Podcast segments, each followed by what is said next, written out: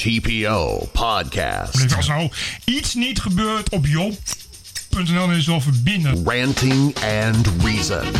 Bert Brussen, Roderick Balo. Welkom bij de nieuwe TPO-podcast. Dit is aflevering 10. Het is eh, dinsdag 18 april, de dag dat er in Groot-Brittannië vervroegde verkiezingen worden aangekondigd. I have just chaired a meeting of the Cabinet where we agreed that the government should call a general election to be held on the 8th of June. 8 juni dus. De Britse premier Theresa May en een helikopter. Zometeen meer dan de andere grens aan de andere kant van de Europese Unie. Dat is Erdogan. En die heeft eh, zijn referendum gewonnen met dank aan de afdeling Nederland. En er is een eh, belangrijke week voor ons eigen referendum. Want GroenLinks en de Partij van de Arbeid die hebben er bij nader inzien toch niet zoveel zin in. Er gaat toch wat een en ander gebeuren deze week.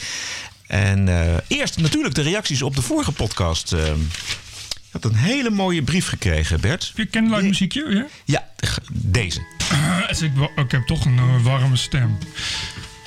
Lieve mannen, ik was best wel radeloos. Na 50 jaar besloten om de NPO vaarwel te zeggen. Ik kon het wegkijken niet meer aan. Via toeval bij jullie TP-podcast beland. Wat een verademing. Het geeft de burger weer moed. Humor en realisme gemengd tot aangenaam luisterplezier. Gooi me achter een betaalmuur. Ik betaal er graag voor. En langer, langer, langer en vaker, vaker, vaker. Groetjes en kusjes, Anneke Diamant.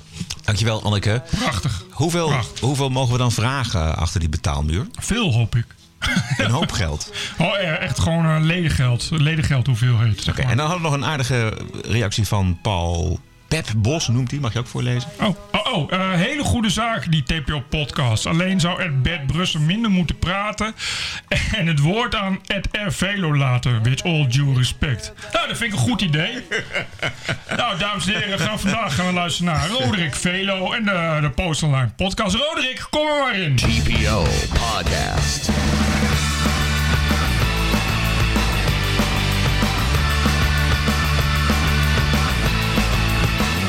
Komt-ie! Ranting and Reason.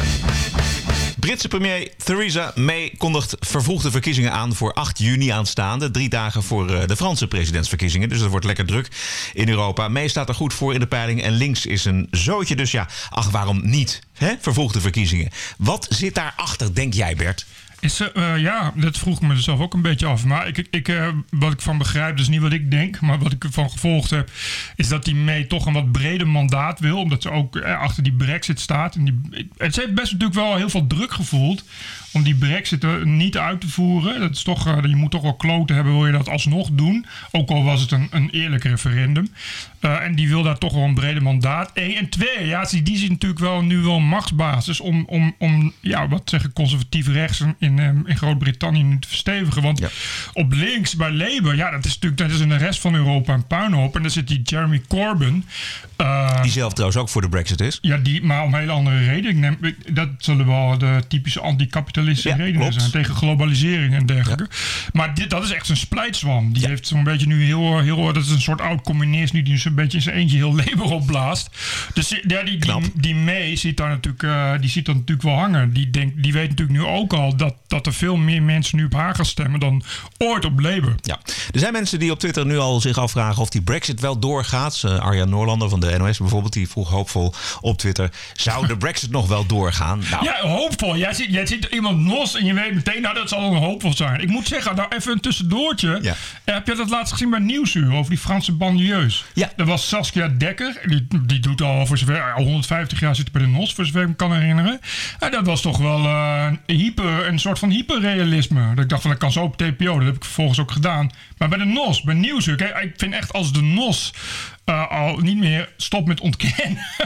en het was echt wat je gewoon islamofoob kan noemen. Dan is er iets mis. Maar dat even terzijde. Nee, maar nee, ik, het Nieuwsuur is echt eh, op een andere, eh, andere koers ingeslagen. Ja. En die heeft meer, heeft meer oog voor de zaken die echt spelen in de samenleving. Maar goed, Arjen Noorlander, die wat? Die zei net al... Je wat, Ja, die, ging- die vroeg zich af, gaat de brexit nog wel door? Dat twitterde hij zojuist Ja, op kan, deze dat is... eh, eh, hoezo? Dat is toch al... Dat gaat toch al Ja, door? dat gaat gewoon door. Hij heeft, geen... geen eh, nee, hij, heeft, hij heeft blijkbaar toch niet helemaal geluisterd naar de aankondiging van eh, Theresa May. Want die heeft dat eh, op het eind gewoon nog eens even heel duidelijk gezegd.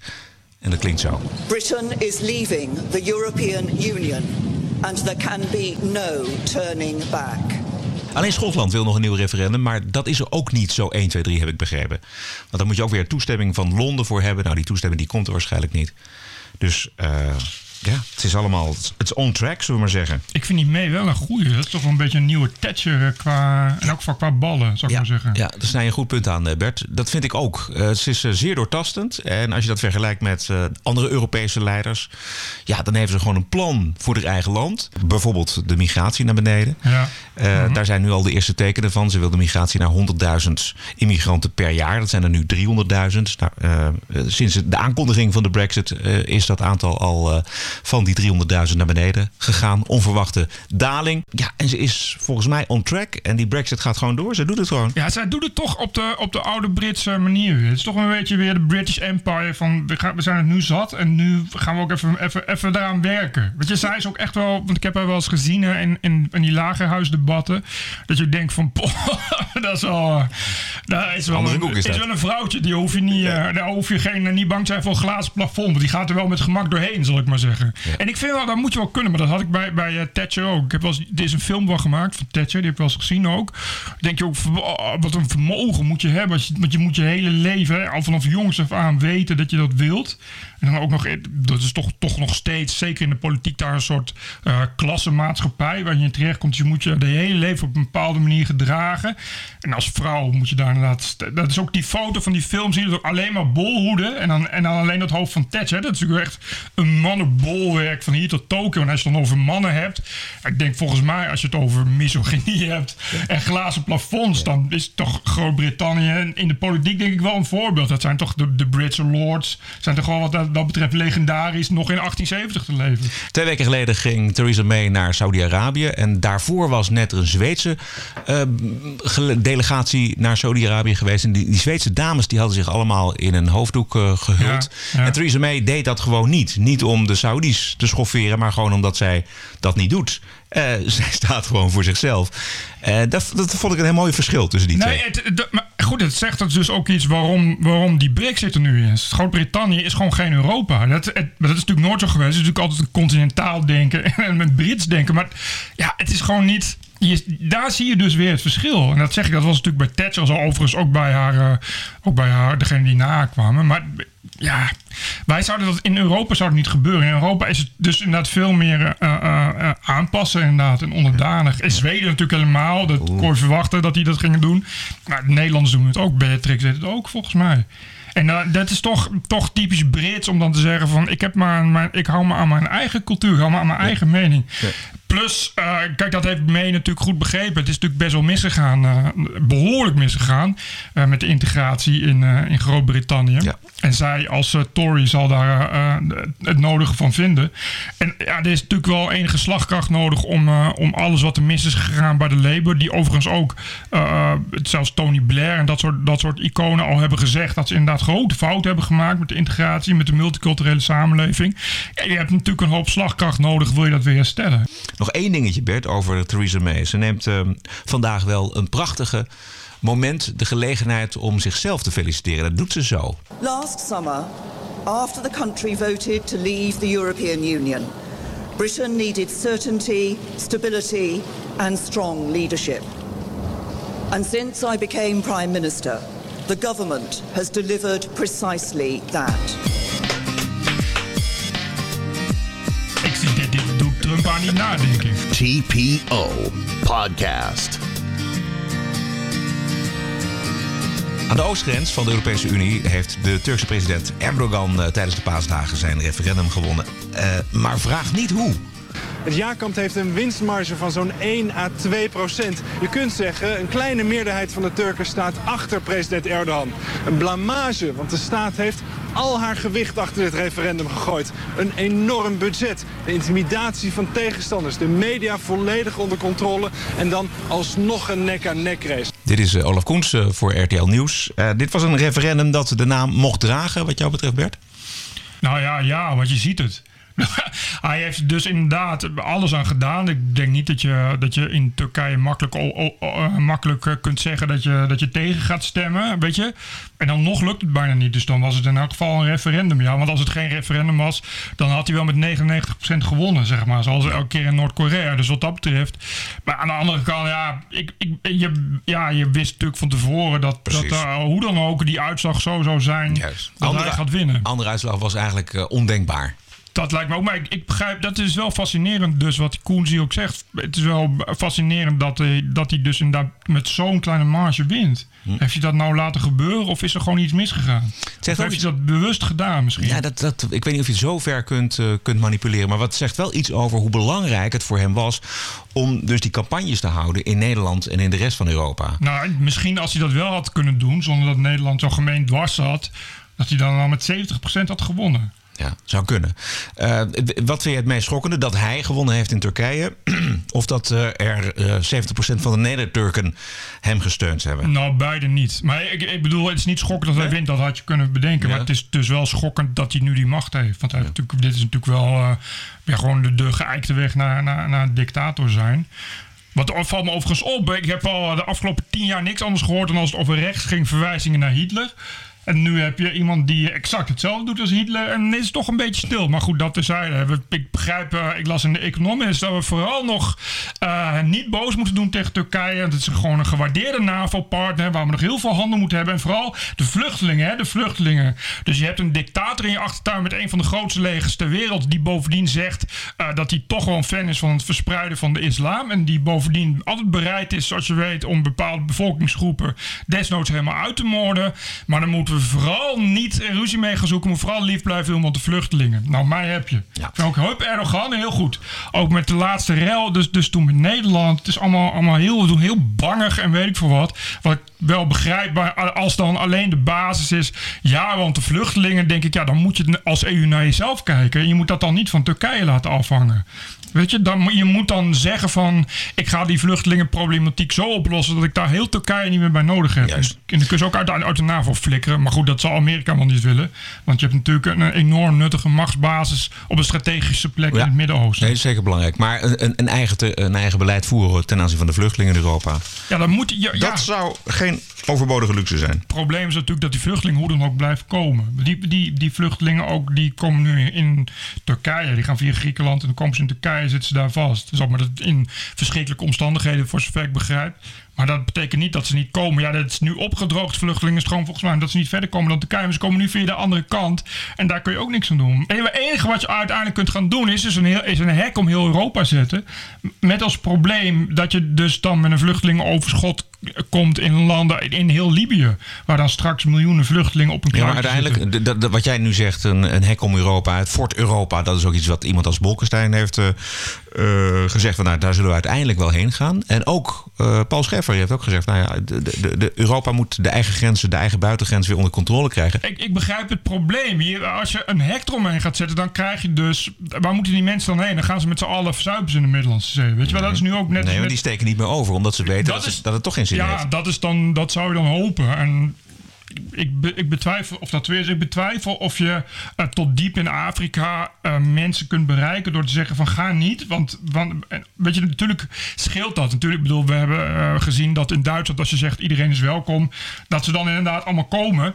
Maar ik betwijfel of je, of je alle vluchtelingen in Afrika zo ver kunt bereiken dat je zegt van ga niet doen, het heeft geen zin. Volgens mij gaan heel veel mensen alsnog zeggen, ja, we gaan het toch proberen. Dat zie je nu ook. Het zijn, er zijn mensen die alsnog in Hongarije of, of daar aan de grens bij Servië onder verschrikkelijke omstandigheden Ja, maar- proberen die grens over te Ja, steken, maar- omdat ze wanhopig zijn. Ja. Dus gaan ze dat toch doen. Ja, maar misschien, misschien gaat het om de aantallen dan. Ik bedoel, het is heel kil en koud om het over aantallen te hebben dan. Maar Ja, maar daar gaat het dus over. daar gaat het dus wel over. Als er 100.000 per jaar waren voor heel Europa, was er geen probleem. Precies. Weet je? Ik bedoel, natuurlijk gaat het over aantallen.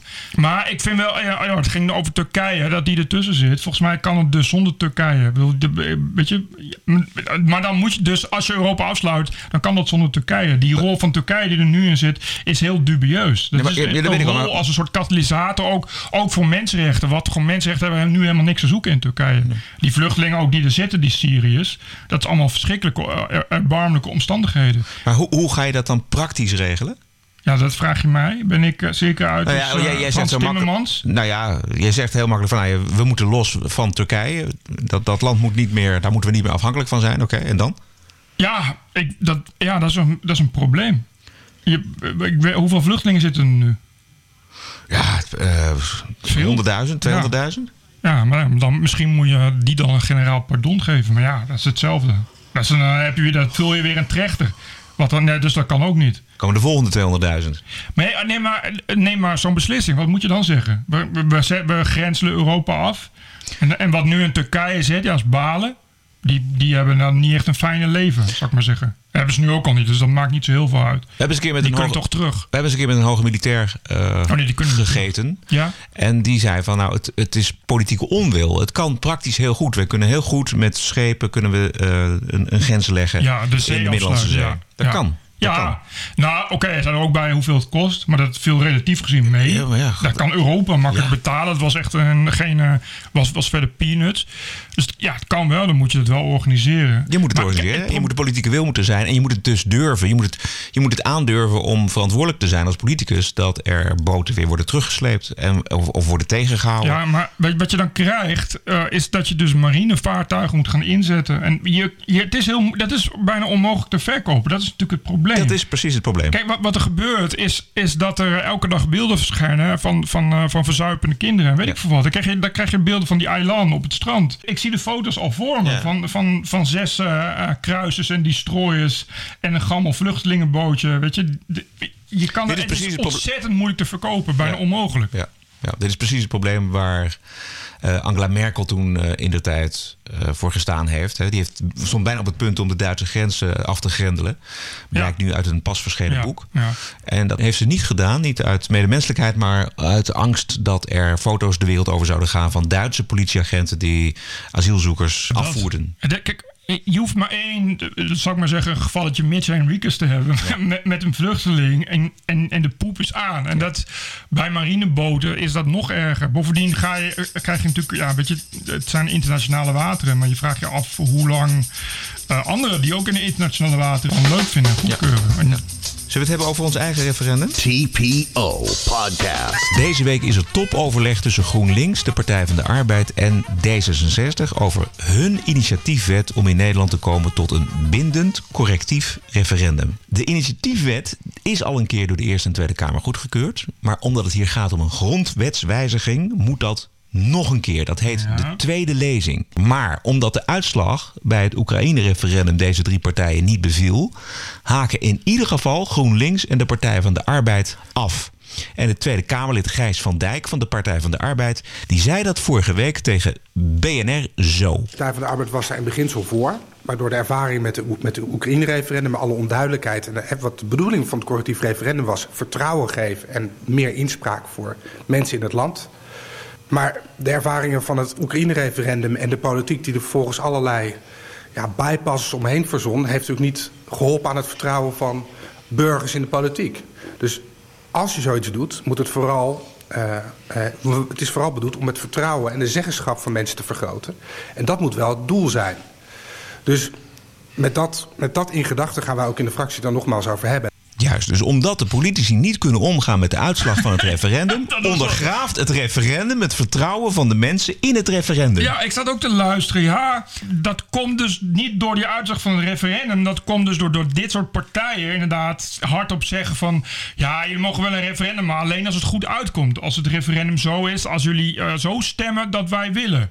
En vervolgens is dat niet zo en zeggen ze... Nou, dan doen we niet. Dan gaan we geitenpaadjes bewandelen... en uiteindelijk gaan we dat referendum wel alsnog nog... of dat verdrag alsnog nog doorknallen. Ja, dan verdwijnt inderdaad het vertrouwen van de burger in de politiek. Maar ik vind dit is een, ook een heel raar... Wat hij, heeft, hij heeft een heel raar soort van nieuwspeak heeft hij er ook in gestopt. Zullen we nog één keer luisteren? Is- hij, zegt iets en dat draait hij dan, maar hij bedoelt dan iets anders. En je moet heel goed luisteren om te, om te begrijpen wat hij werkelijk zegt. De Partij van de Arbeid was daar in beginsel voor. Maar door de ervaring met de, met Oekraïne-referendum... alle onduidelijkheid en wat de bedoeling van het correctief referendum was... vertrouwen geven en meer inspraak voor mensen in het land.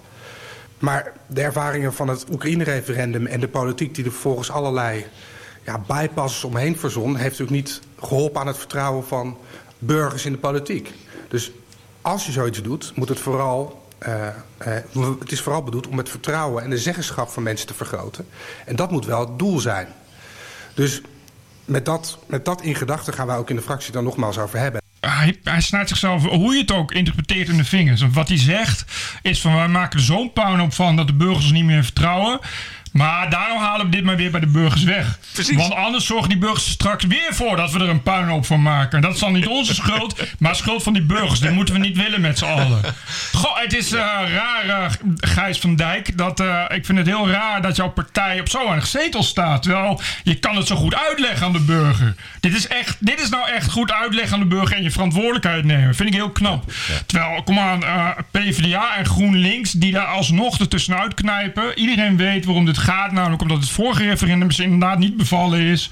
Omdat het vorige referendum is ook vanaf het begin af aan een referendum geweest waar ze geen invloed op hebben. Dat hebben ze ook nooit zien aankomen. Ze ook, weet je, het is ooit bedacht om iets heel anders. Inderdaad, om de, om, om de burger een soort zeggenschap te geven, maar wel in, en niet in, in, ik geloof niet in wetten, maar een soort, een soort beleid. En dat, daar hebben ze toch bedacht van ja, er vallen dit en dit dingen onder.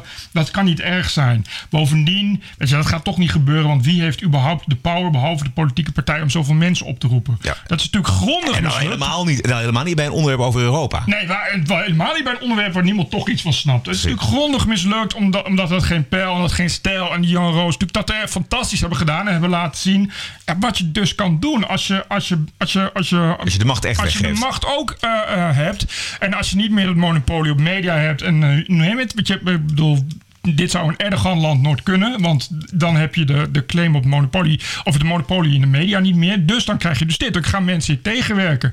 Ja, daar zijn ze heel erg van geschrokken. Ja. Nog andere dingen, Bert? Eh, nee, Kom maar. het was. Pasen. Het was Pasen. Wat, heb jij, wat doe jij dan? eh, Ik doe helemaal Bert niks. Brussen Ik, twee ik, dagen ik, lang? ik erger me kapot aan die daar. Ik wil echt eh, eh, een referendum uitschrijven dat ik dictator mag worden. En dat gaat dan wel lukken, want, dan ik heb een monopolie op de media. En ik, verder intimideer ik wat mensen. En dan als ik eenmaal dictator ben, is het eerste wat ik ga doen... is al die kut tweede vrije feestdagen afstaan. Want dat slaat nergens op. Tweede kerstdag, tweede Pasen, tweede Pinksterdag. Dat is allemaal gelul. Weet je dat? In de VS hebben ze dat niet. Nee. Daar hebben ze gewoon één feestdag, wat logisch is, want je viert kerst, dat is dan een christelijke tra- tra- traditie. Dus, en dan bovendien paas dan op zondag, dus er was toch al zondag. Maar wat is de maakt het ergernis? ergernis dat er geen fuck gebeurt. Wist je dat sinds vrijdag, dus vrijdag ook, dan is het fucking Goede Vrijdag. En tot en met vandaag liggen dus de banken stil. Dus als jij op donderdagavond eh, eh, na vijf uur, op donderdagmiddag na vijf uur, geld overmaakt naar een ander, krijgt hij dat pas op dinsdag op zijn rekening. Wist je dat? Maar dat gaat toch allemaal eh, Nee, automatisch? nee, dus dat is. En dat is ook in het weekend zo. Het, is, het alleen met werkdagen. en dat is dus elk jaar. dat- Ik las ook een stuk daarover. Er wordt ook over geschreven van ja, de EU doet daar gewoon nog steeds niks aan. Maar dat is dus voor, voor geldhandelaar en, en nou, voor heel veel mensen, meer mensen afhankelijk van geld, zou ik maar zeggen. Het is gewoon vier, vijf dagen als je pech hebt. Zit je, moet- kan je op je geld gaan wachten. Maar dat is toch absurd? Ik ging op vrijdag, wilde ik na zevende boodschappen doen. Dat kan dus niet. Fucking Amsterdam. Weet je wel, wel, eh, wel, eh, wel de jubelklok luiden dat je de gay capital bent en vrijheid en weet ik veel wat. Maar boodschappen doen op Goede Vrijdag na zeven, nee meneer. Zelfs bij de Albert Heijn Zelfs bij de fucking. Albert Heijn, die gewoon altijd open is. Weet je, en waar slaat het nou op? En dan, maar dan tweede Pinksterdag. Dat is gewoon niks. Het is gewoon, gewoon een soort tweede zondag. En dat is met kerst zo, dat is met Pasen zo. Waar slaat maar het nou op, man? Bert, ik zou maar uitkijken met het referendum, want de eh, knabbelen aan de christelijke feestdagen, dat ligt gevoelig in Nederland. Nee, dat heeft niks met christen te maken. Dat heeft met dat Nederland een, een treurig kruideniersland is... waar het drukken van je snor en minder werken een soort, soort deugd is. Een soort zegen. Dus, en zelfs als je wil werken mag dat niet... want dan is het in de wet vastgelegd. Dat is het sneuwen. Dus zelfs als je zegt van ik wil gewoon, ik wil gewoon eerste en tweede paasdag... wil ik gewoon 24 uur open, dan mag dat niet. Omdat anderen voor jou bepalen wanneer je te hard werkt. Wist je bijvoorbeeld, dat wist ik ook niet... dat er nu een wet is die bepaalt dat je eh, eh, op, op een, een maximum van tevoren paaseitjes mag verkopen. Je kan dus niet het hele jaar paaseitjes verkopen. Oh. Daar is dus een wet voor. Ja, Dat je niet het hele jaar paaseitjes verkoopt. goed. Een wet in Nederland voor dat je niet het hele jaar. Dat vind jij, jij doet daar heel laconiek over. Maar dat is toch absurd dat daar wetten voor zijn? Het is sowieso absurd dat in Nederland. Weet je, je hebt hier ook een welstandscommissie. Als ik een vogelhuisje in mijn tuin wil zetten, dan, dan moet dat eerst een vergunning. Omdat een welst- welstandscommissie kan zeggen: nee, dat vinden we niet mooi. Het moet paars zijn, want groen is een slechte kleur. Dat is al absurd genoeg. Maar nu blijkt dus ook een wet te zijn die bepaalt wanneer jij in je supermarkt paaseitjes mag verkopen. Dit was het voor nu. Op of aanmerkingen, lof of laster. Het is allemaal welkom via onze Is de kanalen. volgende wel weer gewoon op maandag? Ja.